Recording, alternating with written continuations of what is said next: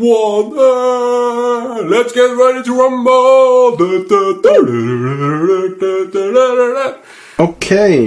Er det Space Jam 3 oppi her, eller?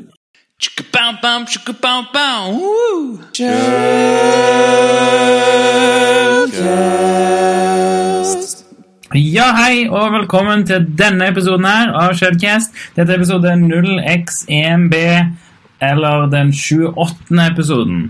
Jeg heter Vetle, jeg jobber som pentester. Du finner meg på Twitter som at bordplate. Og jeg heter René, jeg jobber med sikkerhet i staten, og du finner meg som Particle Void på Twitter. Jeg eh, heter Alexander, og jeg jobber med sikkerhet i det private, og du finner meg som Er det en ting på Twitter. Jeg heter Melvin, jeg jobber også som penetrasjonstester, og du finner meg under handlet Flangvik på Twitter. Jeg heter Eirik, jobber som penetrasjonstester, og du finner meg på Twitter som 0xsv1. Eh, Så før vi går i gang med lytterspørsmål, så vil jeg igjen påminne alle sammen om at eh, det nå eksiderer, eksiderer si, det eksisterer en eh, kanal for Sharecast på Norsexen Discord. Link til Discorden er i, i shownotes. Og når du joiner, gå til hashtag information og klikk på mikrofonikonet i rolleposten for å tildele deg rolle, sånn at du får tilgang til alle Shellcast-kanalene. Det er to. Det er en for diskusjon og en for å se på alle de kule tingene vi tweeter. Eh, Og et lytterspørsmål som vi har fått inn, er eh, da følgende Skal jeg lese opp det på best mulig måte her? Eh, hvilke stemmer i infosec-miljøet burde man følge på Twitter? Hvis hver av oss skulle peke på eh, to hver, da, fra det norske infosec-miljøet eh, og én fra det internasjonale, altså det vil si én av hver, da, to stykker totalt, én fra internasjonale, én fra det norske, hvem skulle det vært, og hvorfor? Oi. Ja, veldig, veldig gjennomtenkt spørsmål. Ja. Uh, jeg, jeg har mine nominasjoner klare jeg, uh, allerede. Ja, det er et bra spørsmål òg. Det er det. Da skal du få lov til å begynne, for jeg må tenke litt på det her, merker jeg. Jeg må gruble litt på det her. Ja. Ja, så, men jeg, jeg, eh, jeg eh, må begynne med internasjonal Min internasjonale er Swift and Security. Jeg, eh, jeg er glad i Swift and Security. En av de første sikkerhetsfolkene jeg, jeg fulgte, som jeg syntes det var gøy å følge, som ikke bare var liksom masse, masse fagstoff. Det er mye interessant om Windows, mye interessant om ditt og datt. Eh, Hen er flink til å til å shitposte og uh, reposte uh, om en annen, skulle jeg si. Så jeg syns det er mye utrolig bra der. Anbefaler folk å følge Swift and Security. Uh, så norsk, da. Så for meg er det Patricia Aas. Hun er party-lardo på, eh, på Twitter. Og det, Hun tweeter vel ikke sånn sykt mye direkte, liksom eh, sikkerhetsrelatert, da, men det er mye, hun er veldig flink til å stille interessante spørsmål. Hun har, et, uh, hun har en stor følgerbase, så hun får svar på mye av det òg. Og det er veldig interessant å se. Hun poster mye om C++. Hun er C++-utvikler, hun har jobba i opera og sånne ting. Så det er mye interessant, uh, syns jeg, da, som hun uh, tweeter om, og, og som hun uh, retweeter òg, for så vidt. Så yes. Ja, jeg, jeg håper jeg videre her. Fordi eh, det blir vanskeligere og vanskeligere for hver gang her. Men uh, hvis jeg skulle tatt internasjonal, så ville jeg gå for uh, Bikebleeder. Uh, Markello eh, på Twitter. Han poster helt vanvittig mye bra. Uh, han har blant eh, annet både GitHub-sponsor og Pat- Patreon-gående for mye av prosjektene han har. Hvis du har hørt om f.eks. Uh, SharpMap Execute eh, eh, Hva heter den spray-toolen hans? Eh, Han har et, noe et repo som heter Offensive NIM. Han har et eh, spesielt spray-verktøy som har, som har modulær Spray struktur. For, ja, takk. Spray Toolkit. Eh, mye bra der, så han vil jeg sjekke ut. Hvis jeg skal ta norsk, eh, så må jeg jukse og gå for Oddvar, da, for han er både internasjonal og norsk. Men eh, jeg går for min kjære kollega Oddvar. Bra forslag, eller bra tillegg, begge de to der, definitivt. Eh, Jeg kan vel fortsette. Jeg Det står mellom et par. Internasjonalt så er det så veldig mange å velge mellom, liksom. Det er så utrolig mye bra på uh, Infosec-Twitter internasjonalt. Uh, I det siste så har jeg fått veldig mye ut av å følge Shit Secure, bedre kjent som Secure This Shit, på, på Twitter. Eh, hva skal man si, vulgært navn, men eh, en kar som eh, jobber med pentesting og redteaming og har en utrolig bra github, hvor han, eh, den GitHuben hans, som er bare slash creds på, på GitHub, har utrolig mye bra eh, eksa, altså eksempler på, på forskjellige NIM-codes, masse forskjellige droppers, payloads, scripts. Eh, han har også en veldig bra blogg, faktisk, eh, hvor han legger ut en god del ting. Uh, Jobba en del med uh, Unicoder og Bitebleeder, vel, på litt NIM-tooling og sånn. Så ja, bra fyr å følge. Uh, norskt er vel Jeg holdt på å si Shellcast, bare for, uh, bare for tull. Jeg syns vel at um, At Luxity, eller Hans Peter Fjell, er faktisk en ganske interessant fyr å følge. Uh, norsk kar så jeg skal vel ikke dokse noen, men jeg skal se om det står her på, på Twitteren hans. Um, ja, det står på Twitteren din, Hans Petter. Jeg vet du hører på. Så han jobber som senior infosec engineer i Basefarm. Uh, veldig hyggelig fyr, veldig flink. Poster mye interessant, både infosec og uh, ikke-infosec. Så mye bra underholdende. Verdt å følge. Ja, nå har jeg sittet og fulgt litt med på hva dere har sagt for noe. Så jeg har sittet og kryssa fingra for at ingen av dere skulle si det jeg hadde lyst til å si. Og det var det ingen som gjorde. Uh, i, på min side av uh, infosec-verden så, så fins det en, en drøss med sånn forskjellige uh, Forskjellige folk eller grupper som, som, snakker om ting. Men det er en av de som jeg har bitt meg merke til nå i den senere tid, mer og mer, er VX Underground, er det vel de heter som uh, har posta en del ting i hvert fall som jeg har hatt uh, god nytte av. Nå En av de seneste tingene de posta som virkelig jeg satte pris på, var en oversikt over uh, ransomware Hva heter den Disse her som presse, pressesidene til forskjellige malware-aktører, ransomware-aktører, som har vært kjempe Som er veldig interessant å følge med på. Uh, men VX Underground poster jo egentlig alt mulig rart. Uh, mm. De kan jeg absolutt uh, anbefale å følge med på. når det kommer til norsk Jeg vet ikke det, Han derre Hva heter han derre Hva heter han derre kollegaen til Oddvar igjen? Han norske kollegaen til Oddvar. Oh, han Njål uh, Han Njål ja, ja, Njål et eller annet. Nei, ja, for i, i, mange Altså, jeg, jeg skal si at jeg er ganske dårlig på å følge med på, på norske folk, men uh, av av disse norske infosek-folka som jeg vet om, da, så ville jeg i hvert fall fulgt med på, på Mr. Flangvik her. Eh, som har posta veldig mye interessant. Jeg, ja, nå, nå, nå, får du lov til å være rørt, eh, Melvin. Men eh, ja, nei, jeg, meget, meget. Det, det, hadde jeg gjort. Eh, og rett og slett helt fra eh, tidlig, tidlig start.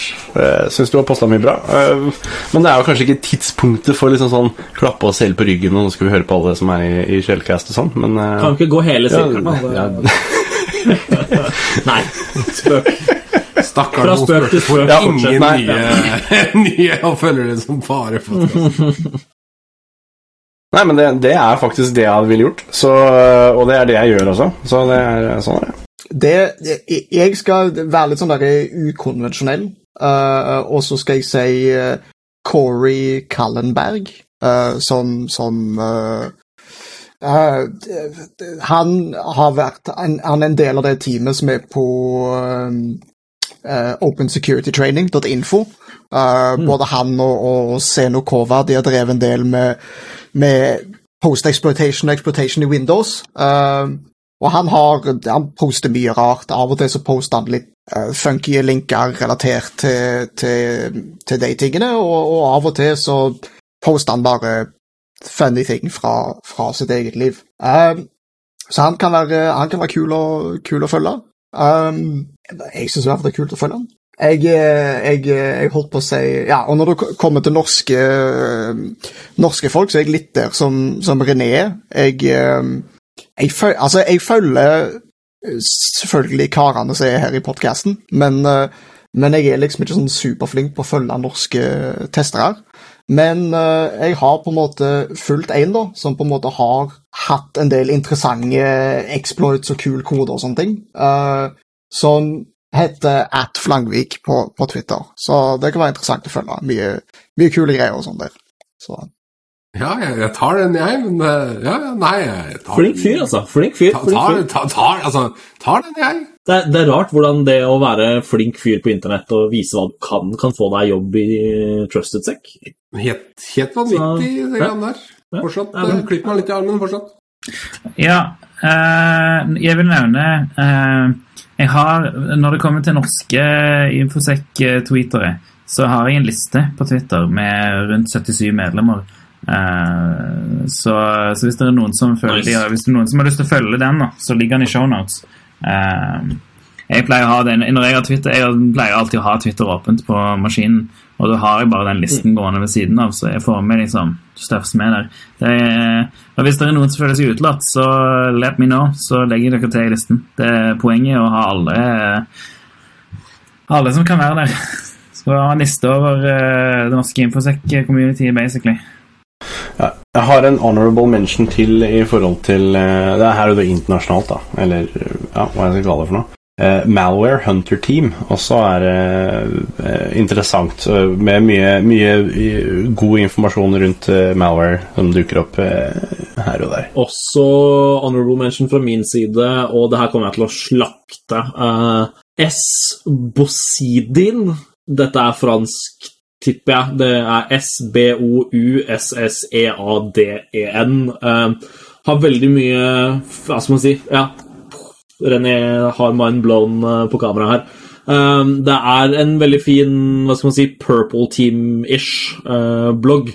Pås er vel en threat hunter, eller threat analyst, egentlig. Uh, jobber i Elastic. Eh, men påstår veldig mye gode um, ja, gode indicators of compromise og sånn. Eh, jeg syns jo som pentester og norsk eh, betydning av red teamer at det er eh, artig å se på Altså, når threat hunters og sånn poster liksom IOC-er, så er det veldig mye vi kan ta til oss av eh, lærdom der, og hva man burde gjøre og ikke, ikke gjøre. Så god blogg for å se hva uh, skikkelig up to date threat hunters uh, researcher og poster.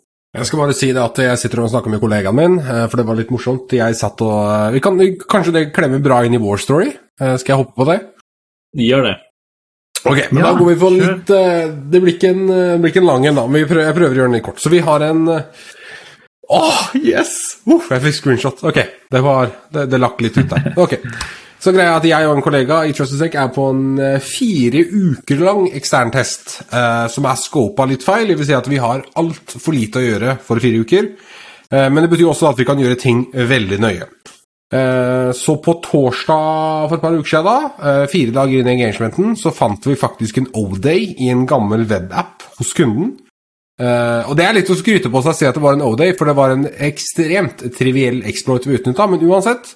ikke dokumentert, ikke rapportert. En O-day nonetheless.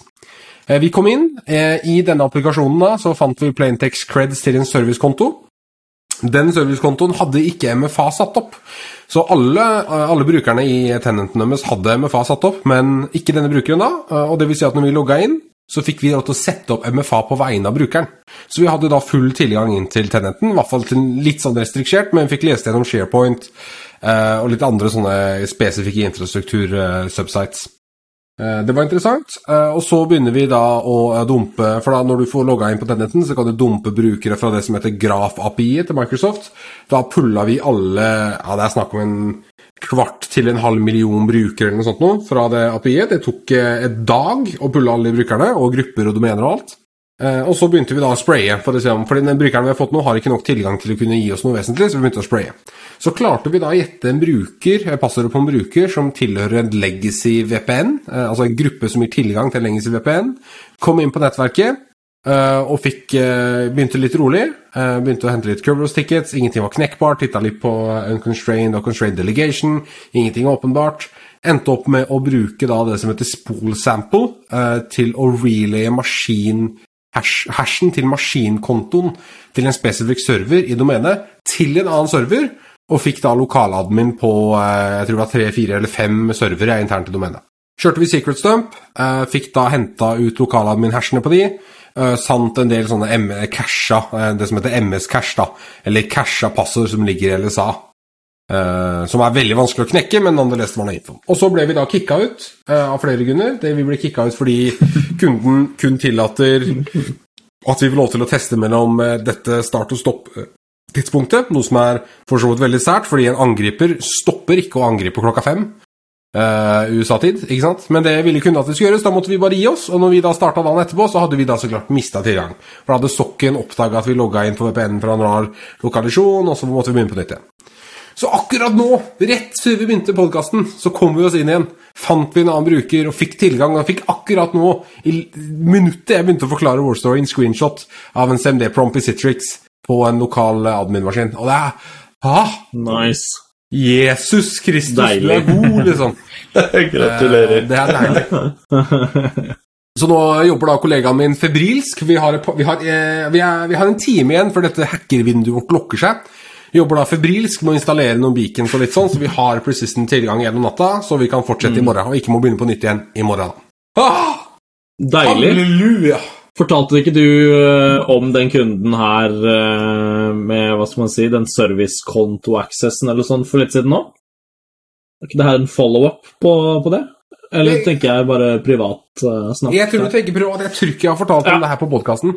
Nei, stemmer. Jeg, jeg, var, jeg var og hørte de greiene her, så det her var definitivt privat. Ja, riktig. Riktig. For det, Men det er jo er veldig artig, veldig artig follow-up uh, på den, da. Siden de uh, kasta dere ut, vel, sist? Så det er jo, Ja. ikke sant, Denne kunden her får jo egentlig mye mer enn de betaler for. De betaler for en ekstern Eh, og vi nå leverer vi Vi får jo ikke lov til å gjøre noe av det sosiale aspektet. Og vi har jo rammer, så dette er jo absolutt ikke red team engagement. Men når vi begynner vi, vi, For å si det sånn, da. Vi, vi har slått opp en del brukere og gjort en del grundig osint for å gjette mange av disse passordene. Så det er eh, blant annet noen bikkjenavn som kommer godt inn i, eh, i sjakkspillet her, liksom. Eh, vedkommende har tre hunder, og vi ser i serie i passordhistorikken at han har brukt de andre hundene som passord. Så er det den siste hunden eh, Dessverre død, faktisk. Vi sjekka. Den døde Oi. en gang i fjor, ifølge Facebook. Så rest in peace, that dog. Men eh, takk for passordet. Setter veldig pris på det. Så, eh, så det var litt artig, da. Så hun får jo litt sånn på kanten eh, kvalitetslevering der. Det har vært dritmoro. Eh, så nå håper jeg vi virkelig kan persiste tilgang, og så, og så call it a day, da, på en måte. Er det, jeg må jo spørre litt mer på, på den huden, for det sitter sikkert mange og ler av, eller cringer hardt av at det er noe man faktisk gjør på en, på en p-test. Er, er det liksom sosiale medier-phishing av, av Eller sosiale medier-osint, rettere sagt, på, på disse hundenavnene? Så greia her var at vi henta ut disse casha passordene, og så begynte vi å knekke dem, og de er ekstremt vanskelig å knekke. Eh, Du, du kan bare glemme å prøve å kjøre en regelliste, liksom. Du bruker kanskje et par dager på å kjøre gjennom Rocky eh, på disse MS-cashene. Mm. Eh, Men så dukka det opp eh, tre, fire, fem etter hverandre, og alle de hadde da en variasjon av eh, et navn. Så slo vi opp brukeren på Facebook og fant ut at dette er navnet av da én av tre kjæledyr. Eh, Og da kunne vi gjette oss fram til at hvis den roterer på dette her over tid, for brukeren må bytte passord jevnlig, så kanskje det er en av de andre kjæledyra som er passord. Og så har vi jo som sagt fire uker, så vi har mer enn nok tid. Altså vi får gjetta flere hundre passord i løpet av disse fire ukene. Eh, så vi, vi har tid. Og nå endelig altså PA-off. Så det var Det var nydelig. Jeg, er så fornøyd. Eh, for jeg var eh, ekstremt redd for at vi skulle bli sittende liksom komme så langt første uka, altså sitte stille i tre uker og ikke få noe mer tilgang. Eh, så det er, det er helt nydelig. Er litt kjipt hvis kunden eh, Altså, du finner en zero day i den forstand første Eller dag to, og så kaster kunden deg ut, liksom, og så har du fire uker på den testen der. Så eh, det vi synes jo, Personlig syns jeg jo det er, det er jo ikke shady av kunden å kaste deg ut, men da skulle det vært begge veier. Jeg syns det er litt feil å si til oss at dere får kun lov til å teste mellom eh, jeg tror det er åtte og fire dømmestid. Ja. Mm. Eh, og så blir vi kontinuerlig kasta ut. Altså, det, er ikke, det er jo ikke realistisk for dømmes side at de vet akkurat når vi angriper og hvilken IP-er vi kommer fra.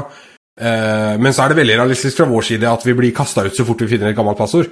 Ikke sant? Mm. Så det er litt sånn men, men det er det kunden vil. Enda til dere er det, er det kunden vi skal sikre, og vi, vi når jo det målet på en måte uansett.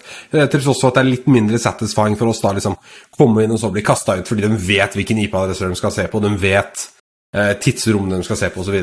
Men uh, dette er moro. Så dette er uh, kjempeinteressant engagement. Ja, nei, så, Sånne tidsrammer er jo veldig vanlig i, uh, i sånne klassiske norske pentester, hvor du tester f.eks. Et, eh, et statlig organ eller eh, noe sånt. Eh, Nå så har jeg en pentest på noe, noe norsk infrastruktur, og det er by all definition en helt vanlig ekstern pentest.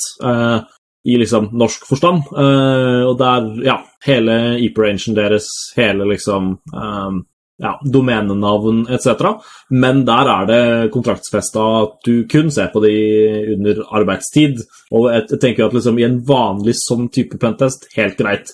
For det er ikke snart, Altså, ja, vi sprayer 365, Asher, OVA og, og, og alt sånt, men de vet jo om det fra før. Og har jo IP-adresser og sånn, liksom, så de kan eh, fjerne oss fra loggene. Så der syns jeg det er greit. Men i en sånn type litt mer avansert uh, grenser til en red team-test som dere holder på med, liksom, så er det Jeg syns det er feil av de å grense det sånn og også kaste det ut, liksom. Men du må følge kunden. så det, det er greit å nevne. Dette er jo ikke Dette er da en ekstern test der vi har fått lov eksplisitt av kunden å få lov til å prøve å bevege oss internt. I en vanlig ekstern test ville du jo gitt deg når du hadde fått Så gjør du ikke det. Nei, nei. Ikke sant? Da stopper du jo det er, Vanlig prosedyre der er jo å Altså, det burde jo vært, vært klarlagt før, før det i det hele tatt dukker opp, hvor man eh, Sånn som i forkant av den pentesten her, så spurte jeg om Ok, men hva vil dere at vi gjør når Eller hvis vi får tilgang til OVA, f.eks., eller Citrix og sånn, og da, da tar man en fot i bakken, du, du toucher med kunden, vil at du skal fortsette, og sånn, liksom. Så ja, absolutt på det. Det er bare når dere har fått lov på forhånd om å teste internt hvis dere kommer inn, så syns jeg det er rart at de liksom eh, følger med på servicekontoen deres, og så booter dere ut. Ja, nei, det blir litt sånn, ikke sant, så Men ja, nei, uansett veldig moro, og det er jo så klart krevende for oss, da. Vi må kontinuerlig kunne snu på flekken og kunne Mm. Det er jo good practice, da. Eller god øvelse. God trening. Ja, takk for uh, War Story, Mevin. Det er alltid, uh, alltid spennende å høre hva som skjer i Trustsec. uh, ok, så vi er over på nyheter, da. Ja, det gjør vi. Eh, ja, jeg har, eh, jeg har for Dette har vi diskutert litt i discorden vår. Uh, jeg har uh, jeg har lagt inn uh, Tieto Evry sin mening om Stortinget. Jeg har uh, titulert det Tieto Evry kaster glass i steinhus. Bare fordi jeg syns det er gøy å si glass i steinhus. ja, det var jo en interessant kommentar. Uh, men uh, dere har for så vidt Dere diskuterte det mye mer enn meg, så kanskje noen tar en god intro på, på hva dette handler om. Jeg kan ta den, jeg må bare finne den fram her. Men eh, mens jeg finner den fram, så er det jo det at uh, Tieto Evry har jo Eller en person hos Tieto Evry gikk jo ut nylig og snakket med Diggy og sa at uh, angrepet på Stortinget kunne blitt uh, forhindret, eller unngått. Og det er jo en interessant kommentar fra noen som akkurat ble rammet av et uh, ransomware-angrep. Spesielt når Stortinget ble rammet av uh, det som uh, i hvert fall før de Eller når de ble rammet, var en zero day. det er ikke så veldig mye å gjøre mot en zero day utenom å følge diverse profilerte menneskers eller infosec-menneskers råd om å følge eller, zero, zero trust og sånn. men ja, Tieto Evry, eller en person i Tieto Evry. Det skal ikke ta hele selskapet under en kam her, men det er jo interessant at noen i et selskap som akkurat har blitt rammet av ransomware, og ganske kraftig også, går ut og klager på det som potensielt, uten å faktisk vite det her direkte, det skal jeg ha på opptak, en mulig kunde av de, eller potensiell kunde av de, liksom, er interessant. Det er både stein i glasshus og kanskje ikke noe man sier om kunder eller potensielle kunder, liksom. Ja. ja. ja nei, jeg, altså, jeg, jeg synes det er, det, er, det er noen andre òg som var ute og sa rett etter Stortinget ble angrepet så de sier at, at de var for treige med å patche. Men det syns jeg heller ikke de var. Altså, Hvor, hvor, hvor kjapt skal man patche, da? Og Stortinget patcha jo dagen etter. Patcha innen 24 timer. Ja, ja, ikke sant? Ja, ja. Ja, og Man kan jo ikke bare patche helt uten videre uten å vite hva det er. Det er jo sikkert testing og greier som er viktig der. Og så er det, det er jo en balanse det mellom å finne ut liksom, hvor fort skal du patche, og, og, og hvor eh, hvor mye testing skal du gjøre? da, sant? Det, det regner med at det er ganske mange politikere som har vært pissed hvis, eh, hvis hele Exchange gikk ned, liksom, og de ikke kunne gjøre noe business på e-posten sin lenger. Eh, men i tillegg, da, sant? Og, og, og det er en grunn til at de bruker on-prem exchange, og at de ikke har flytta over til cloud ennå. Og det vet jeg ikke, altså, jeg vet ikke om det er fordi at, eh, fordi at de ikke har lov til å flytte over til cloud. Det er, det er sikkert strenge krav for dem for hva de skal ha. Hvor, hvor, altså, det, har dere lyst til at alt av Stortingets e-post eh, skal være uh, hos Microsoft? Sant? Hva, uh, det, der òg er det jo på en måte Der òg er det en balanse å finne, da. sant?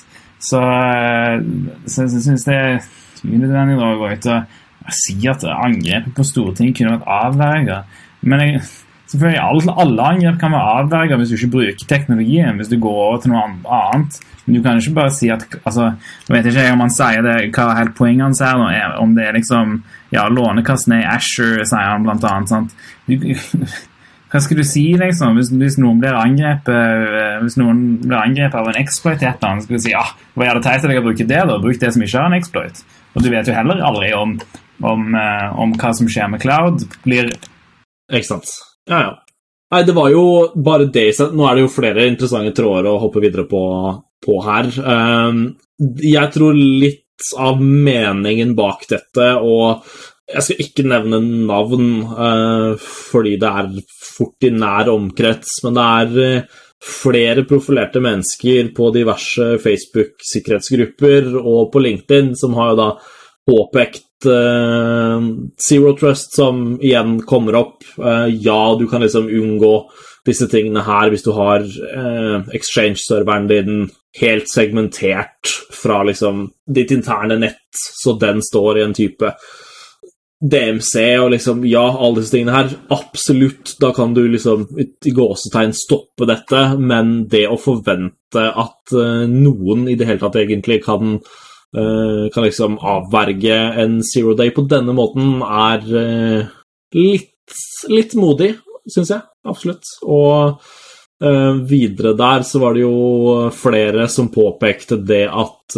ja, Exchange er sårbart, har vært sårbart mange ganger. Eh, men hva skjer hvis du bytter til Exchange Online, da? Eh, bare under 24 timer senere så var det en researcher som fant to zero days på Exchange Online eh, fordi han ble trigga i å researche det etter at nå alle skulle bytte til Exchange Online. og han fant jo da to zero days som var authentication bypasses, som han rapporterte til Microsoft. Jeg vet jeg ofte har på meg liksom tinfoil-hatten her, men jeg tror det er veldig naivt å tro at hvis det er en random security researcher som plutselig blir trigga til å researche dette her etter en sånn type bridge, finner to stykker på rappen, så er det jo andre som potensielt kan ha funnet disse òg, liksom. Uh, så det, det, kommer jo ned til gode, gode liksom, policyer, oppsett, training og det å ha oppdage ting når de først skjer, fordi du kan aldri liksom avverge alle disse tingene her. Det er jo helt banalt å tro på, men ja. Du kan aldri avverke Zero Days på den, den måten. Du må oppdage ting når det skjer. Ja, og dette, dette minner meg litt om, uh, om ledelse etter en, en, incident, der man setter seg ned i et, etterpåklokskapens lys og sier Hvorfor gjorde ikke du sånn? Hvorfor gjorde ikke du sånn? Hvorfor oppdaterte ikke du den tingen? Og så ser en gjerne det at, at som, du, som, du, sier, Erik, at, at, at det finnes eh, og, og, Altså, det finnes gjerne en grunn. Det kan fort være at det finner en grunn. Og en vet ikke om, om det nye systemet en går over på, er sikrere enn det en kommer fra. Og, og en zero day er en zero day. Altså, Du kan ikke planlegge med en zero day. Du kan si at jo, jo, det var ting de kunne gjort bedre, sikkert, når vi ser på de etterpåklokskapens lys, men det er ofte veldig vanskelig å på en måte sette seg ned og si det at liksom Nei, alt er feil, liksom. Jeg syns det, det, det, er litt mye. Ironisk av noen som akkurat ble ransomware. du sa vel det litt sånn innledningsvis, eh, Vetle, at, eh, at eh, er vi egentlig interessert i å ha Stortingets data oppe i, i skyen? Og det som det som er en problemstilling, i hvert fall for en del av de aktørene som, som jeg jobber med til daglig, er jo nettopp dette her med, med deres data, og hvordan kan de lagres, om de kan lagres i sky. Og da ser vi også at det finnes en del aktører i, i staten som da absolutt, eh, av forskjellige grunner, ikke kan ha skyløsninger. Litt av eh, hvis noen reiser, hvilken skyløsning er det ting mellomlagres i, f.eks.?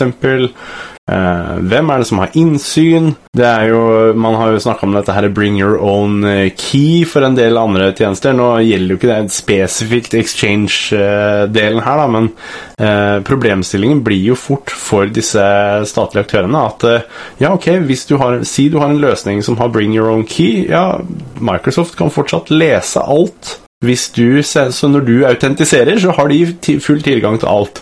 Den eneste måten du kan forhindre at de har tilgang til noe, er hvis du sletter den nøkkelen. Og, og det er en drøss med sånne problem, problemstillinger eh, som oppstår når man begynner å diskutere ting i sky for statlige aktører. Og, og, det her er jo en av, disse, en av disse problemene. Så det er veldig lett å si at ja, men hvis de ikke hadde hatt on-prem og bare hadde hatt alt i skyen, så hadde liksom alt vært good. Men eh, sannheten er dessverre det at det blir veldig vanskelig å få til en del av disse tingene. Eh, og man kan pepre løs så mye man vil på at man ikke har klart å, å patche i tide og, og sånne ting. Jeg tror egentlig at det bare var eh, flaks at det ble oppdaga så fort som det ble. Eh, for det kunne ha vært definitivt vært mye, mye verre. De var jo compromised før det uansett ble public, eh, så de kunne ikke du, du kan ikke, Litt det jeg mente i stad, du kan ikke liksom patche deg ut av et allerede eksisterende compromise, og den patchen som ble sluppet, og de remediation-verkene som også kom, vil jo ikke fjerne et uh, Altså det Cobalt Strike-beacnet som de dropper uh, ved, ved siden av. Da må du gjøre threat hunting og instant response videre inn i nettet ditt, ikke sant? Uh, og som du også nevner, det er jo et interessant tema som har blitt liksom spunnet ut av denne store exchange-hendelsen, er jo det at og nå jeg er faktisk usikker på om det har kommet noe videre snakk eller bevis på dette, men det ble jo diskutert og spekulert i lenge om, altså om den Zero Dayen her i det hele tatt ble lekket ut fra en supply chain hos Microsoft. Uh, og da er det liksom sånn OK, en security research Altså, den timelinen har jo blitt, uh, blitt public nå og vært det uh, i et par uker. Men liksom, når du ser på den timelinen fra i høsten 2020 en security researcher finner disse zero-dayene, eller to av de i hvert fall, og submitter de til Microsoft. Og to eller tre dager var det vel etter at Microsoft får disse zero daysene submitta til seg, så begynner det å dukke opp in the wild. Uh, og for de som ikke har helt kjennskap til dette, så har jo Microsoft et partnerprogram hvor de deler zero days som blir submitta til de med sikkerhetspartnere internasjonalt. Eh, og her har, har jo sikkerhetsfolk da, lurt på om det har vært lekkasjer fra disse partnerne igjen. Eller altså selvfølgelig enten Microsoft kan være compromised av Kina, Russland etc., etc., men også mer sannsynlig disse partnerne de willy-nilly deler informasjon med. ikke sant?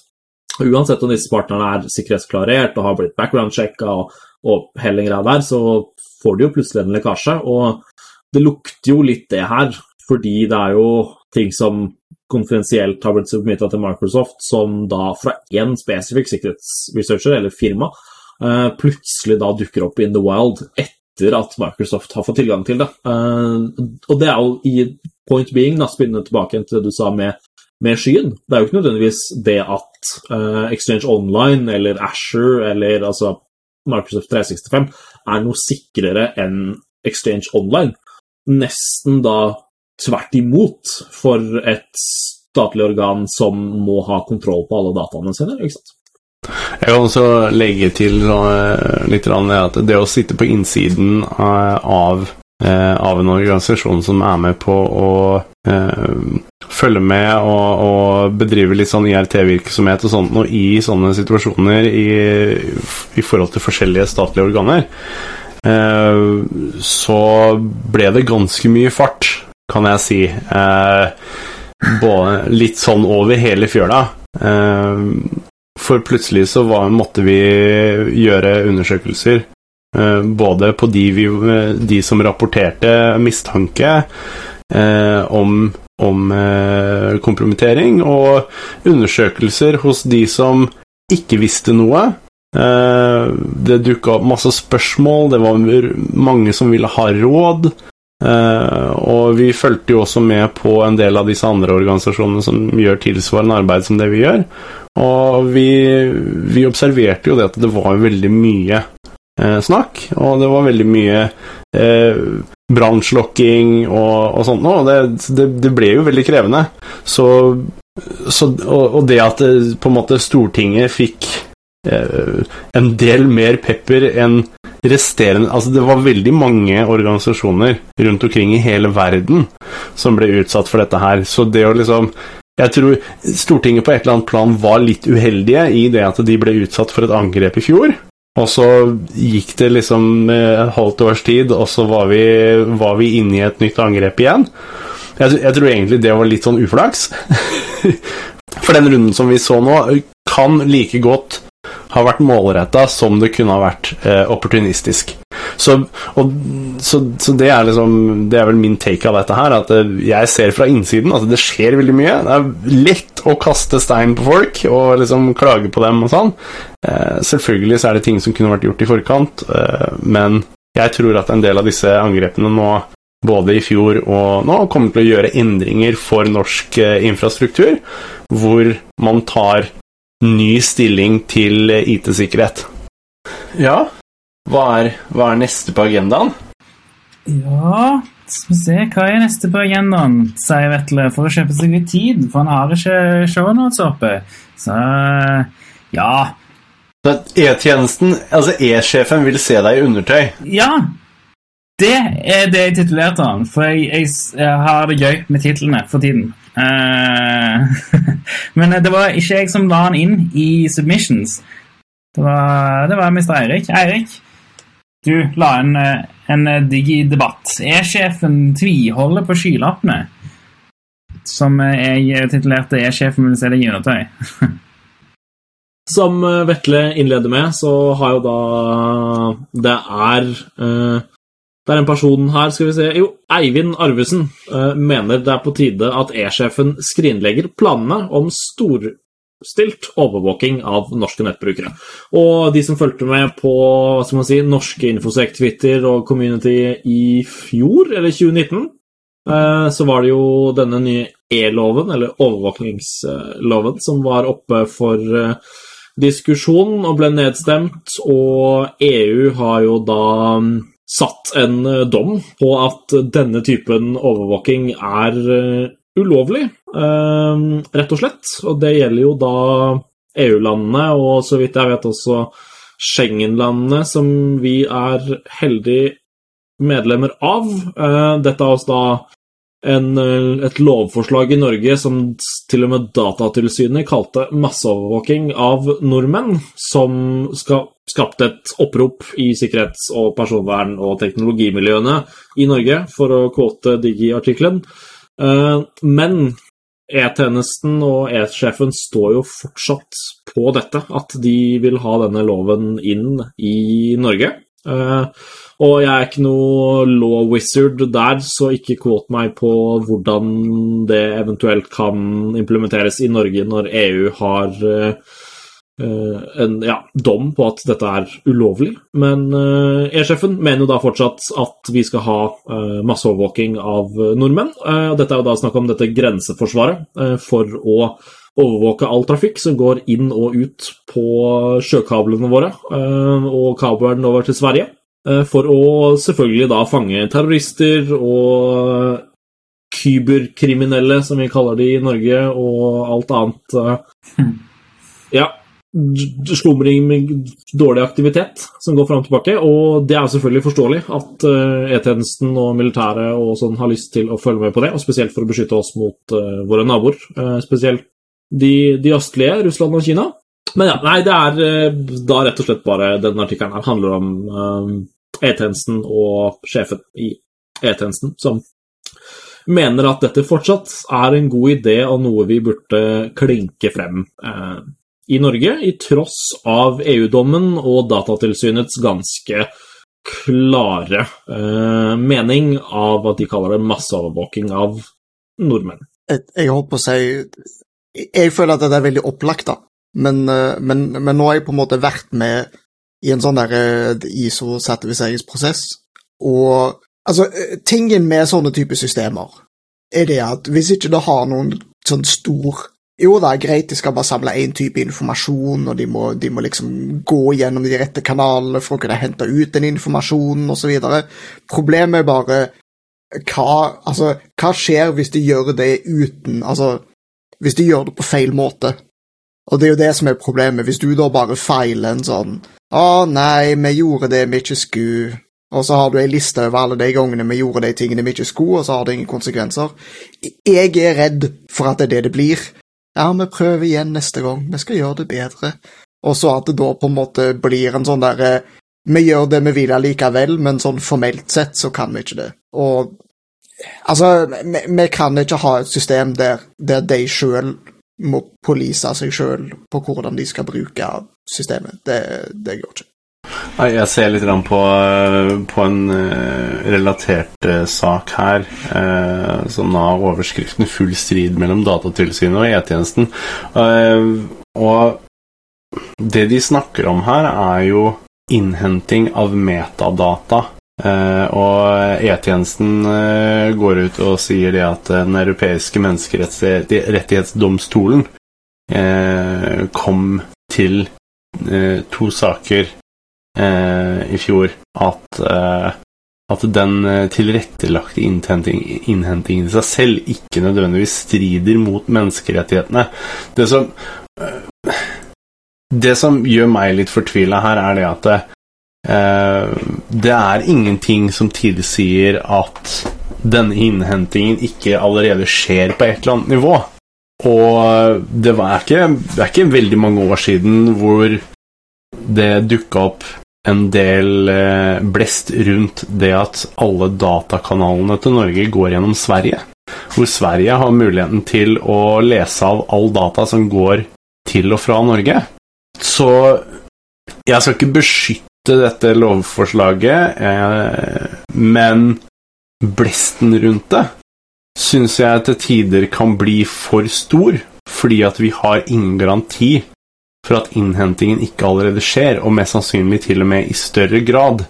Hvis vi ser på eh, uttalelser fra sånn som Snowden eh, rundt dette her med, med overvåkning av individer på amerikansk jord, og også mennesker som har kommunisert med individer som befinner seg i USA, så vet vi jo at statlige organer har eh, muligheten til å hente, og også ikke minst leverandører av tjenester, har muligheten til å lagre store mengder med data.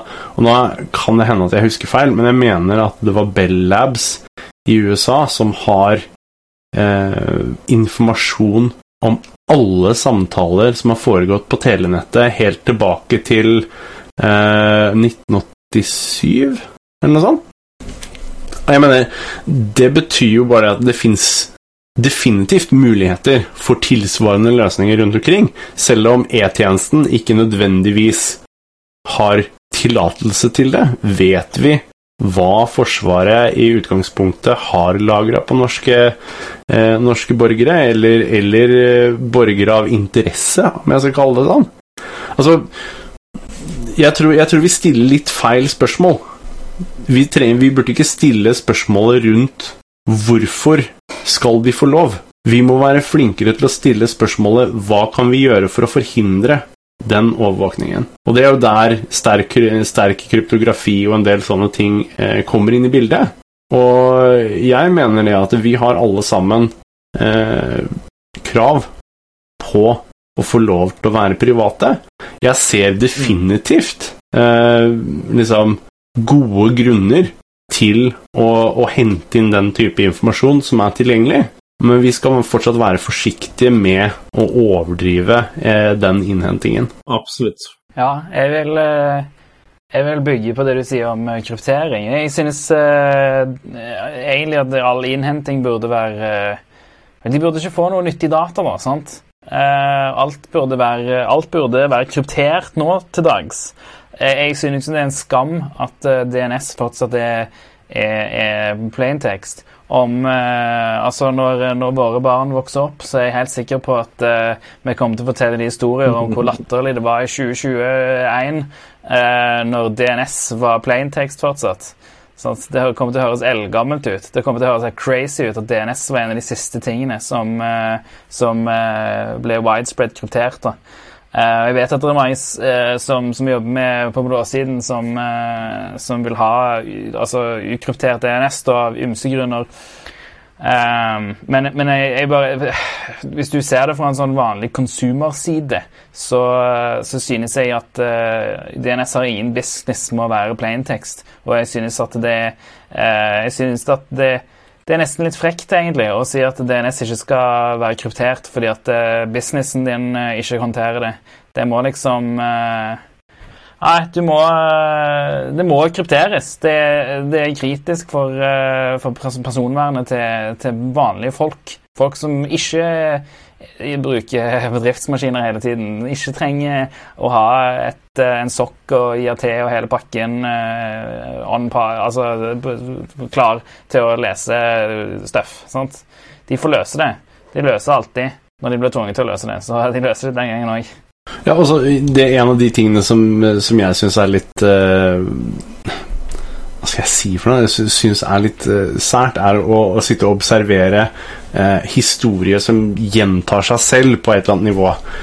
Uh, og da refererer jeg i forhold til dette her med forbudet mot å eksportere eh, eh, sterk kryptografi fra USA eh, fra tidligere, hvor de var redd for hvor PGP og, og GPG på, på sitt tidspunkt eh, kom og tok en plass i verden nettopp fordi at eh, amerikanske myndigheter nekta eksport av trygg, eh, trygge kryptografiske løsninger.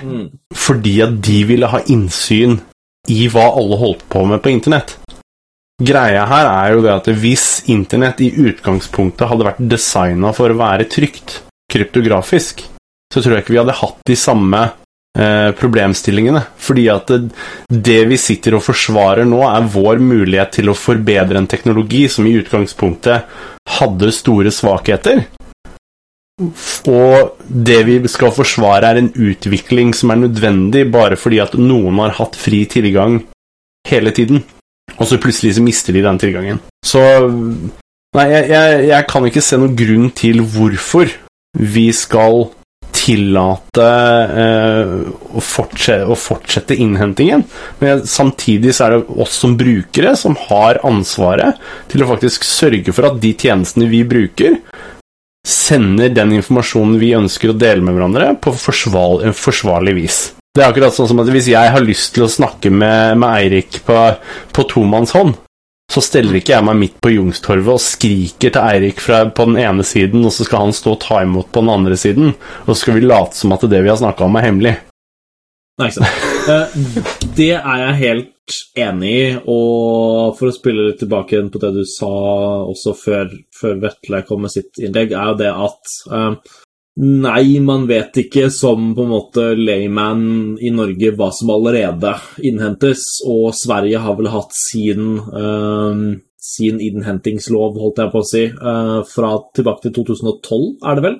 Uh, og det er vel overraskende få som i det hele tatt vet om det, at eh, Sverige har faktisk et komplett irettelagt innhentingsprogram som det er da debattert her i, i Norge.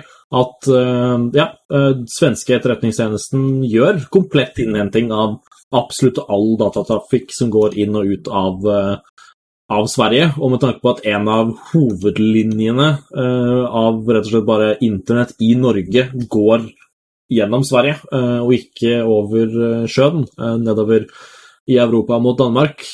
Så nei, man kan jo ikke vite hva som på en måte blir tappa eh, på vei over dit, eh, eller hva Etterretningstjenesten og lignende allerede samler inn av data. Eh, Så jeg syns jo ja, det er interessant å få et innblikk i at eh, dette er noe de gjennom diverse kanaler innrømmer at de gjør, og kanskje heller slåss for at de ikke skal miste tilgangen til, om man skal ha på seg den eh, tinfoil-hatten, eh, fordi de åpenbart mest sannsynlig henter inn mye data allerede og ikke har lyst til å miste tilgangen til eh, å kunne gjøre dette, i hvert fall lovlig.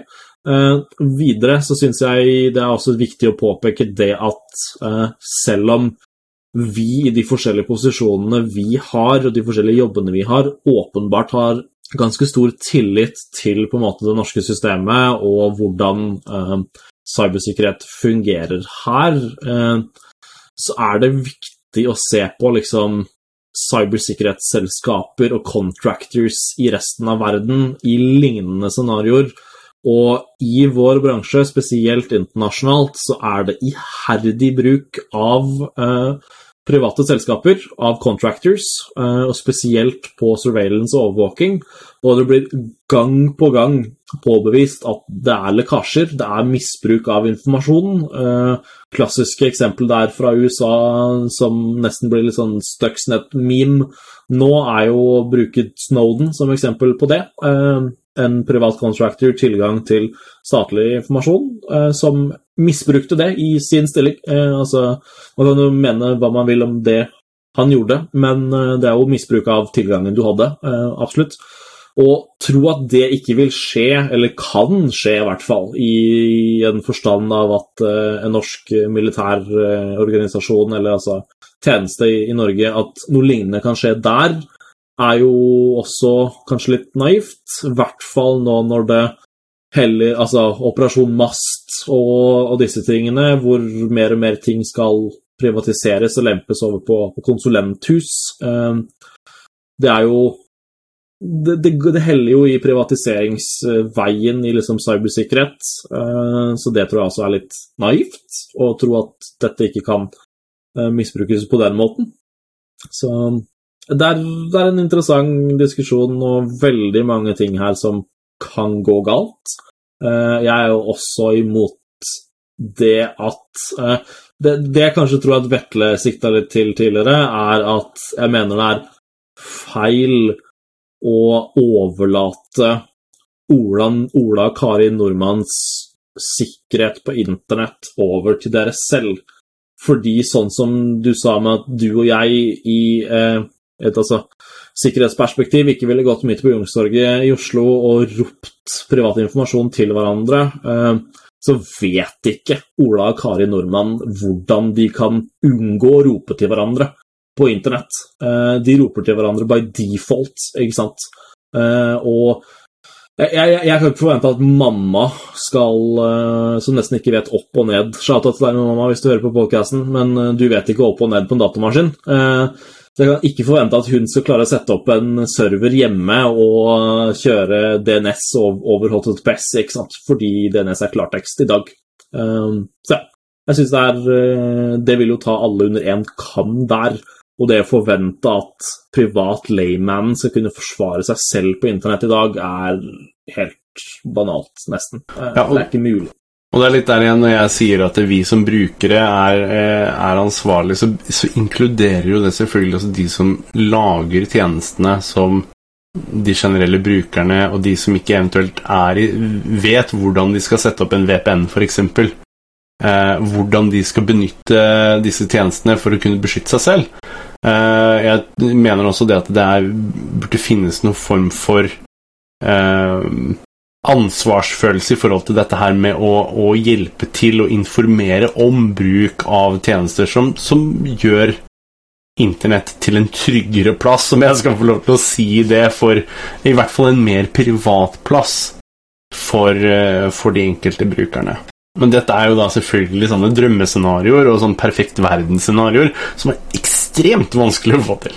Ja, og da, og da blir det jo automatisk et sånt uh, Altså, det er jo det som er litt vanskelig i disse debattene, er det at uh, det blir et sånn der uh, Når skal vi ta vare på personvernet, og når skal vi stoppe terroristene? Sånn at Hva skal jeg si? Eh, problemet Altså, det, det, at ting blir gjort, betyr ikke Altså, at ting blir samla inn og sånne ting, betyr ikke at det burde gjøres. Men òg Hva skal jeg si det, det at vi gjør internett sikkert by default, kan òg lage noen problemer. Det som er greiene, er, er igjen hvilke konsekvenser får det for oss som brukere hvis ting blir gjort.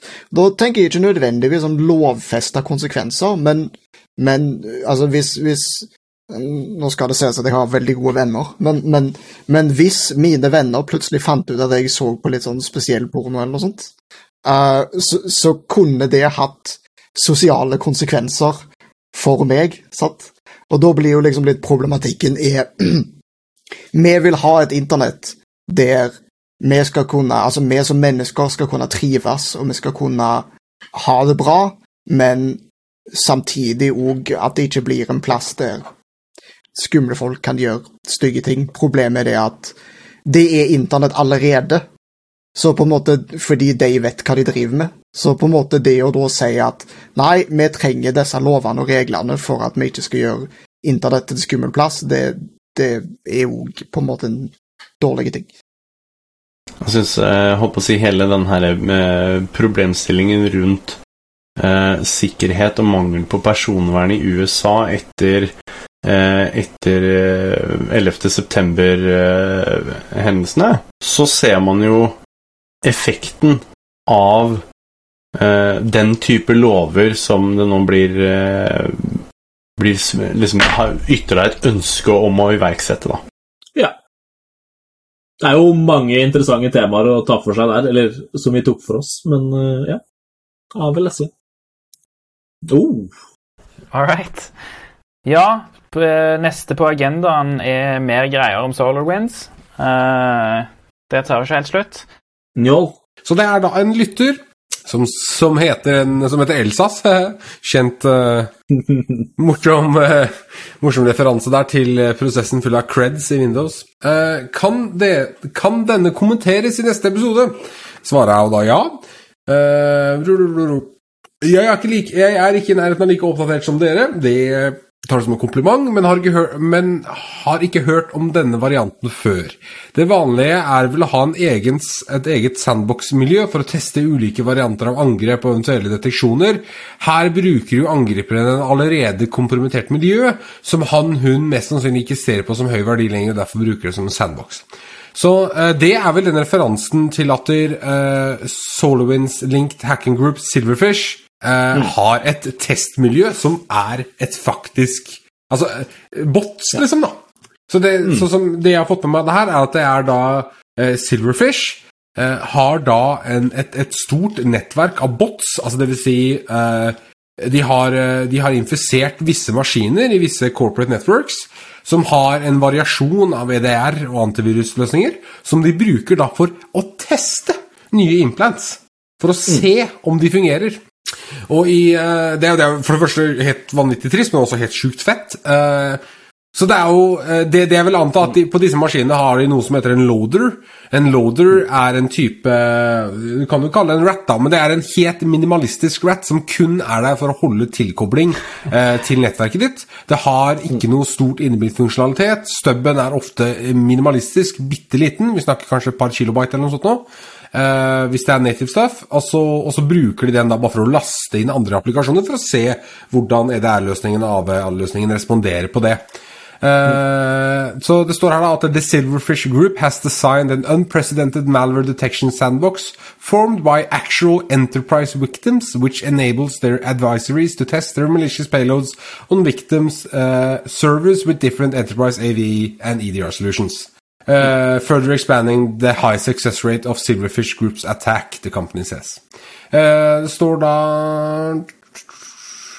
Ok, så C2-panelet deres er delt inn i lag. uh, så det er da grupper De nevner her at det er grupper fra 301, 302, 303 osv. Uh, det er både engelsk og russisk her, som kan indikere noe på nasjonaliteten til de bak i gruppa. Uh, arbeidstid osv. Interessant artikkel. Men det er jo et litt genialt move, da. Hvorfor gidde å ta risikoen og kjøpe inn eller cracke en haug med DR-løsninger når du bare kan hacke maskiner med dem på, og så teste variantene dine? Jeg ville vel tro kanskje at det her er for å, å teste deployment av mer avanserte ting, sånn som ransomware. Jeg vet ikke om du har noe innskudd der, Erik?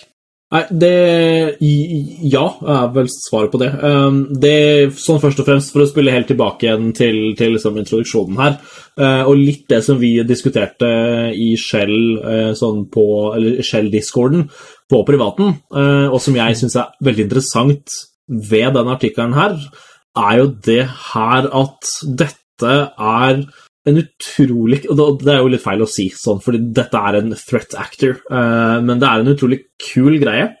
Eh, og dette er jo ikke noe nytt. Altså, i, i en sånn liten skala i forskjellige Pentest og Red Team-shops rundt omkring internasjonalt, så er det jo helt vanlig å sette opp sine egne liksom AV- og EDR-labber og teste mot liksom Windows Defender og CrowdStrike og Trend Micro og, og, og alt dette for å liksom sjekke payloadsene dine og dropperne og krypterne dine før et oppdrag.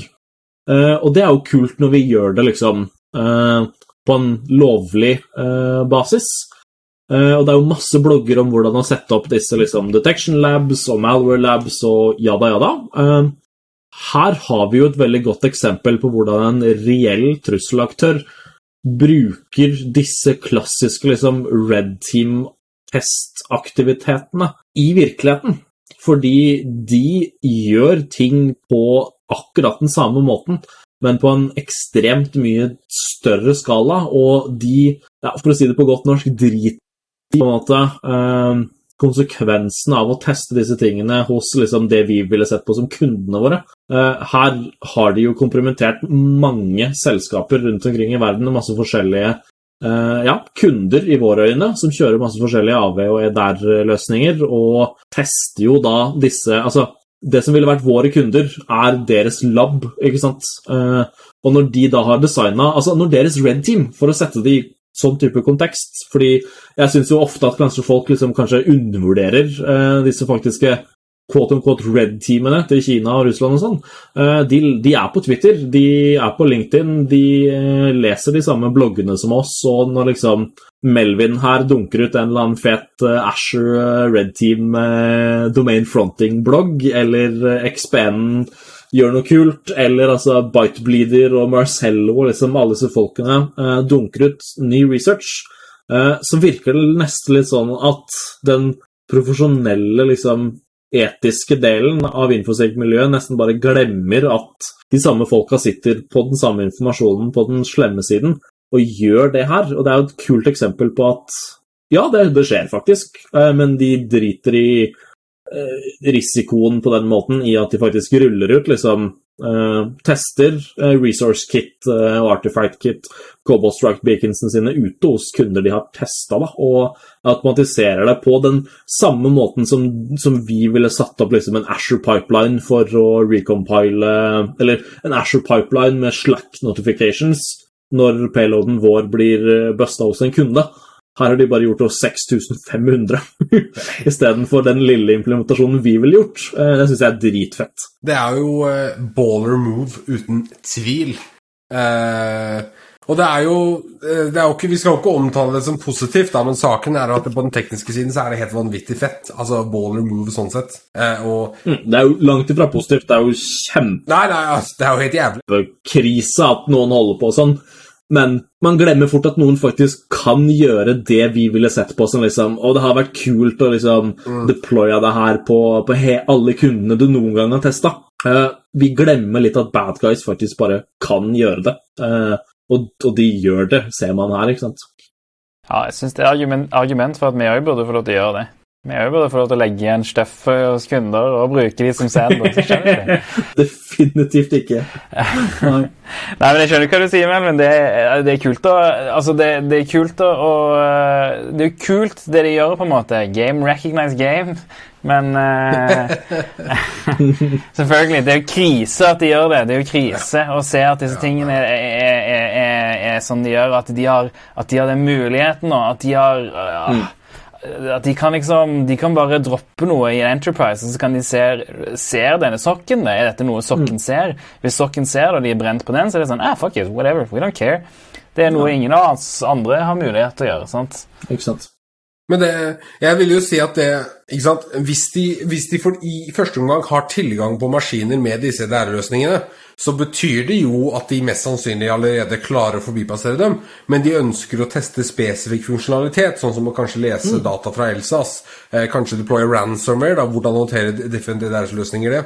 Så det, det, ikke bare er det en sånn der big statement, dette er så mye makt vi har. Vi, vi, altså et, et botnett på 6000 eh, eh, aktive brukere kan du jo monetise monetize på mange andre måter. Hvis du er en aktør, de bruker det som playground til å utvikle annet virus, liksom. Det er, jo en, det er jo en statement. Det er jo, en, det er jo som å kjøre en fet Mercedes, liksom. Det er jo, altså, det er jo ikke det, da, åpenbart. Jeg, jeg, jeg ødelegger ikke noen sitt nettverk hvis jeg kjører fet Mercedes, men du skjønner hva jeg mener, da. Du flekser! Som en APT, så flekser du. Er det jeg mener. Det som er mitt spørsmål, er hva er, hva er baktanken her? Altså, hva er det For meg når, Altså, OK. Når jeg så den casen her, så tenkte jeg først Ja, ikke- hvorfor ikke, ikke dette det de burde gjøre, på en måte? Uh, men, men samtidig så tenkte jeg jo at uh, hvis de er så nonsjalante, eller på en måte slepphendte med disse kompromitterte nettverkene, betyr ikke det tech Altså, hvis de flekser så hardt, så betyr det at det, det må være noe større, liksom. Hva er targeten? Det føler jeg faller litt tilbake igjen på det at eh, vi kanskje glemmer at folk Altså, og misforstå meg riktig, det vil jeg også ha holdt på å si på opptak, misforstå meg riktig når jeg refererer til liksom Russland og Kinas red teams, men jeg føler ofte at folk glemmer litt at det sitter like flinke, om ikke mye flinkere folk, og bare gjør det her for eh, enten en stat eller uh, rett og slett bare for pengenes skyld, liksom.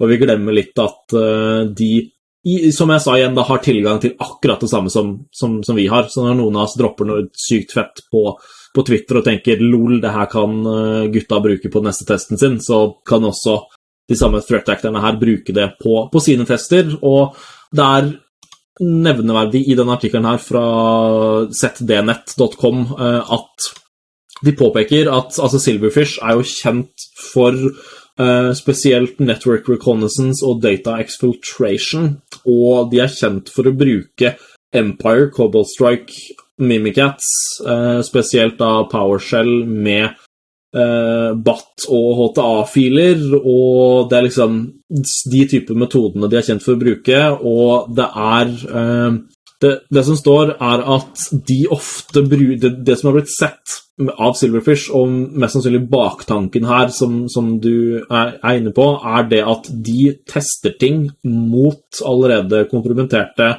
Altså kundenett, eh, holdt jeg på å si. Det er vanskelig å unngå den eh, metaforen eh, for oss som, som pentestere. Men de tester de mot uh, selskaper som de har kompromittert. Men det, det, det står her eh, at Silverfish er da kjent for å teste mot selskaper med spesifikke konfigurasjoner, for så å bruke legitime selskaper og legitime domener de har kompromittert, mot andre selskaper. Og det gjør jo det da at hvis Silverfish, som kommer gjennom sin proxy-chain og VPN-er og hva nå enn for å gjemme seg selv, har da hacka selskap A, så tester de sine payloads og droppers og cryptors etc. mot selskap A, mens deres egentlige mål om tre måneder er selskap B og C. Og så bruker de A som en staging ground for å da Altså på samme måte, og litt som Jeg vet jeg kommer tilbake inn på det her gang på gang, men det er et viktig tematikk, fordi jeg snakka med flere om det her, som ikke helt liksom kanskje ser ballen, da, spesielt på den andre siden, er det at når vi får en Red Team Engagement setter opp infrastrukturen vår med liksom en teamserver for Cobalt Strike og to-tre redirectors i AVS eller Asher, det, det er Silverfish gjør det samme, bare hos faktiske selskaper. De bruker de kompromitterte serverne hos selskap A som teamservere, som redirectere, for å angripe B og C. Og når, og når da liksom plutselig B og C-selskap blir angrepet av tilsynelatende et, liksom, et annet selskap i et annet land, eh, så er det jo en shitfuck, om man kan si det sånn, av lover og regler og landegrenser, og både fysisk og liksom eh, cyberlandegrenser som, som blir brutt, og det blir jo ekstremt vanskelig å kjøre eh, attribution da, tilbake igjen til Silverfish, eller hvem nå enn eh, actor som sto bak det. Og det er jo målet deres her, eh, er jo det å teste dem mot selskaper, for så å angripe andre selskaper med selskapene de allerede har kompromittert. Det jeg syns er litt interessant her, som vi aldri snakker om, er jo at ja, vi snakker om disse APT-ene, som er bare en definisjon på en gruppe som ikke gir seg liksom de første ukene. Eh, Og så kan vi, snakker vi om statlige APT-er, det vil altså si APT-er som vi mistenker blir funda av staten, eller som drives av staten. Og da kommer vi inn på en interessant topic. liksom, Hvis vi skulle valgt en APT, hvem ville vært Norge sin? altså liksom, eh, Skjønner du hva jeg mener? Det, det, altså, disse, du, du gir jo en på en måte litt creds til disse personene som sitter og finner ut av det her, da. Men det er jo mest sannsynlig noen personer som sitter i Norge, og som jobber på vegne av den norske APT. Vil du ikke tro det? Er ikke det sannsynlig? å blir vi tatt av lufta sikkert og drar opp det her, men liksom FBI open up. Men uh, det er jo reelt. Det er jo reelt, det. det er jo E-tjenesten, er det ikke det? Jo. Uh, du Det er jo måtte det, kalle dem by name, liksom. Du vil ikke drive med podkast lenger. Du vil bare Nei da. Men, uh, men det, det er jo sikkert det. Mer eller mindre indirekte direkte. Men det er klart, på hvilket nivå Norge gjør slike ting, vet jeg jo ikke, da. Jeg vil jo tro at en god APT liker jo ikke å bli dratt ut i lyset sånn som det her. En god APT eksisterer jo ikke, ikke sant? God APT skjuler jo sporene sine med å late som de er en annen APT. Ja. Og som Sticky Salom. Han er jo helt vill. Eller jeg mener de, eller hun, eller Ja, Nei, altså, men det er ikke noe altså, det, er- det er jo ikke noe Det er jo Forsvaret eventuelt, eller E-tjenesten som ville gjort det. E-tjenesten er jo mest relevant, da. Ja, Eh, men eh, det er jo selvfølgelig ikke noe vi vet noen ting om, uh, hva i helvete de driver med. Men uh, vi vet jo at de, de har folk, selvfølgelig. Så uh, ja. Altså, De driver jo de driver jo ansatt eh, De har jo drevet ansatt på Hackon og sånne ting. Og de sier jo at de driver med reverse engineering og de driver med exploit development. Altså, hva skal de bruke det til? De bare Nei. Men jeg snakka med en dude fra eh, på, jeg var på der, så snakka jeg med en Nei, så snakka jeg med en, eh, en sånn recruiter eh, og, og spurte liksom ja, hvordan er det? Hva, hva hva, hvordan, hva får man gjort, liksom? Hvordan er det etisk sett? Hva, hva velger jeg om hvem, hvem mine exploits skal rette seg mot? da? Og eh, det er selvfølgelig Jeg går ikke an å svare på det spørsmålet, men han, men han svarte veldig vagt at nei, det er jo eh, Målene er jo på en måte det er, jo, det er jo på en måte politikere som har satt målene, på en måte. Eller et eller annet sånt. Nei, det, kan ikke stemme. Jeg, jeg følte ikke det stemte helt, det jeg, sånn jeg husker samtalen. Men eh, det, det er noe der. Det er absolutt noe der. hvis, hvis, vi ser, hvis vi bare ser sånn generelt på det som er eh, logisk, da, så, så kan man jo si det at hvis man undersøker litt disse, disse stillingsutlysningene som eksisterer fra en del statlige organer og sånt, så, så kan man jo gjøre en del antakelser. Eh, når vi har en gruppe som kaller seg for Cyberforsvaret, f.eks. Det fins definitivt ting som de kan gjøre i cyberspace som er relevant for eh, militære eh, aksjoner. Vi har eh, tjenester som PST, f.eks., som definitivt eh, er med på å gjøre ting internt i Norge. Eh, og, og NSM og Altså, E-tjenesten vi, liksom, vi kan egentlig bare begynne å, å, å ramse dem opp én etter én, og så får se Får man vel si det sånn Don't shit where you Don't bite the hand that feeds you, og så videre i, i min retning, men altså Det fins ikke et forsvar eller en militær eh, gruppe i hele verden som ikke har noe form for cyberaktivitet i dag. Norge kanskje, er kanskje ikke like prominente sånn som USA, Kina, Russland, eh, Nord-Korea etc. Men det betyr ikke at vi ikke har noen som gjør disse altså det Og Israel, ikke minst. altså, Ja, Israel er vel store på den fronten, er de ikke det? Hva heter det? En unit Israel er definitivt en av de største aktørene innenfor cyber eh, i verden, og har adoptert eh, cyber warfare ekstremt tidlig, og har vært kjempedyktige på å bygge disse tingene. Eh, så, så jeg tenker at det, det er ikke engang et spørsmål om Norge har det, spørsmålet er bare hvor rusta er vi kontra andre land. Det er vel egentlig, egentlig det vi kan konkludere med. Det skulle Det er litt morsomt å tenke på det at dere, så klart Eh, jo, vi, altså Hvis vi slår opp på listen APT, så vet jeg ikke om det fins en kategorisert norsk APT i det hele tatt. Men greia er liksom at vi, vi, vi spiller jo alle det samme spillet, og det er åpenbart at alle lands etterretningstjenester har et spill å spille i cyber.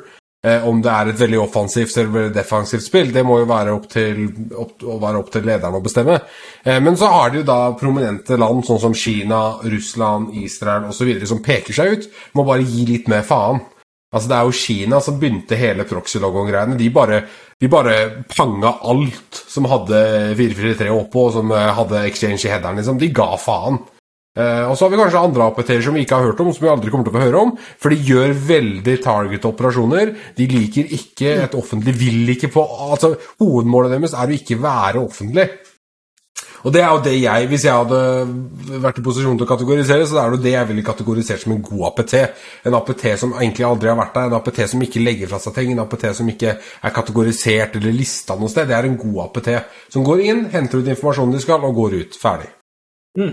Men det er jo Det kan man jo dra tilbake igjen til liksom tradisjonelle Altså, altså kriminelle grupper og gjenger. De, de beste der har du aldri hørt om, fordi de, de blir ikke tatt. Eh, ikke eller så hører du om de når de blir tatt. Eh, og det er ekstremt naivt å tro at ikke skjer i, i, i vår bransje også. Og så har du jo eh, tilbake igjen til liksom eh, Unit 8200, er det vel eh, de heter i Israel, eh, som er den elitegruppa deres. De er jo de hører man veldig lite om, uh, utenom at de er veldig flinke. Og det er mest sannsynlig liksom litt, av, litt av samme grunnen uh, der, uh, fordi de faktisk får, får ting på, holdt jeg på å si. Men så har du jo Litt tilbake til det René sa, er jo det at med stillingsannonser og sånne ting, så står det jo regelrett i liksom cyberforsvaret og etterretningstjenestens statlige utlyste stillinger at de holder på med offensive cyberkampanjer. Eh, og det er jo ganske klart og tydelig der da på en måte hva det vil innebære. Hvis du leser tekstene, så er det jo det er akkurat det samme som vi holder på med. Det, du kan lese der at det er bruk av Ansible og Terraform, og det er oppspinning av infrastruktur i skyløsninger, og du skal ha kjennskap til eh, penetration testing, execution standard og ja, de samme tingene på en måte som vi, vi gjør. Eh, Så man må nesten bare regne med at måte de uh, gjør de samme tingene, bare på sin skala. Uh, license to hack, holdt jeg på å si. De andre. Og alt, alt koker jo ned til litt hvordan uh, de forskjellige landene bedriver krigføring eller etterretning også. Og de som vi på en måte hører mest om, og som det er mest snakk om, er jo også gjerne de som har eh, spesielle mål med sin krigføring, som Kina f.eks. er veldig økonomisk retta i sin krigføring, hvor deres måte å, eh, å angripe sine motstandere på er gjennom økonomi. Eh, Russland er ekstremt dyktige på dette her med, med informasjon og misinformasjon og den type ting. Så det, så det, det er jo egentlig det også som eh, gjenspeiler gruppene som de innehar. Og det, det, altså det er også en sånn ting som, som etter hvert har begynt å, å virkelig interessere meg, er nettopp hvordan gjenspeiler eh, APT-grupper landet de kommer fra. Hva er det de ser etter? Hvordan er det de opererer? Eh, hva er det som er interessant? Hva er det som utvikles? For det også avslører veldig mye av hvordan de opererer og tenker. Eh, hva slags type utdannelse har de? Altså, hva slags eh, sosiologiske aspekter eksisterer rundt dem som gjør at de agerer på de måtene de gjør, osv. Jeg skulle til å si at det er jo ikke Eirik snakker jo om at disse gruppene gjør sånn som oss. Det er jo nesten omvendt. Ja, Vi er jo, eksisterer jo pga. dem og gjør jo alt som følge av dem. Eh, Men det er klart, det, er jo samme gata. Vi ønsker jo å angripe et selskap for å gjøre de sterkere. De ønsker jo å angripe et selskap for financial gain eller informasjon. Og vi kommer jo da, når vi har basert på mye av den samme kunnskapen, kommer jo da så klart til å gå ned like veier. Automatisere infrastruktur, sikre infrastruktur osv. Eh, Men jeg tror vi har vært eh, Det her er et sånt rabbit hole som vi sikkert kunne snakka flere podkaster om.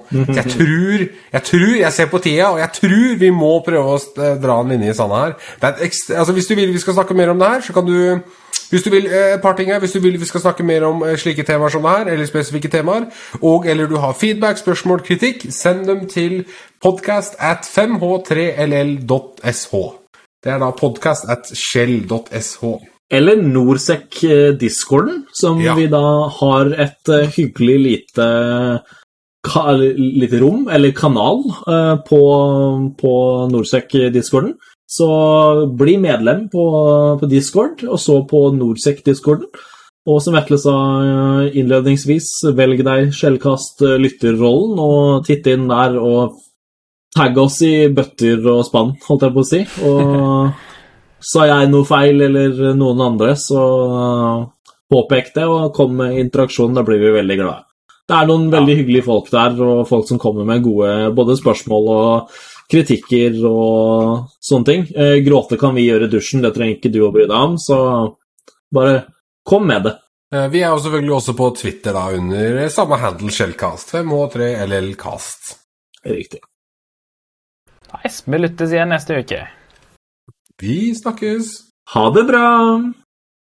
Jeg har spilt inn halve episoden med shitty internal mikrofonen på, på Mac-en. Er det sant? Jeg Jeg stussa på det.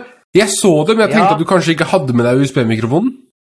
Jo, jo, jeg har med meg USB-mic. Jeg har en festa, jeg har en sånn lapell-mic som jeg har festa på meg sjøl. Det er en USB, liksom. Jeg bytta midt i, og et stort Riverside tror jeg er bra med det. Jeg har jo glemt å starte backup recording òg, så øh, jeg er jo genius, Uh, the genius. Jeg, ser, jeg er fornøyd med Riverside så langt. Det som er så fint, er at det vi hører hverandre på nå, er jo ikke lyden som blir tatt opp. Det er jo bare en komprimert helvetesversjon. Så lydkvaliteten ligger jo i disse filene som blir Ja, men det er det som er smart her. sant? Sandcast Rover er lik for så vidt. WAV-filene er lokale recording som er lasta opp. sant? Obviously. Uh, men her er han jo smart og laster det opp imens vi spiller inn, ikke liksom etterpå. Sånn at vi bruker dødslang tid på å vente på at alle skal bli ferdige og laste opp og drit. Å, helvete, ass. Jeg er så jævla close til å bruke mobildataen. Jeg har eh, to eh, gig igjen. Men hotellnettet er bare altfor shitty. Det går ikke an å, å drive på det. Jeg hadde sikkert ti sekunder delay. Eh, Ja, vi la merke til det, holdt jeg på å si. Så du har kobla deg av og på mens Riverside har holdt på alt? Det er imponerende, egentlig. Ja, Riverside, fucking uh, Does it. Det er jo faen meg umulig å få tak i den der mølla di nå, Erik. Helvete.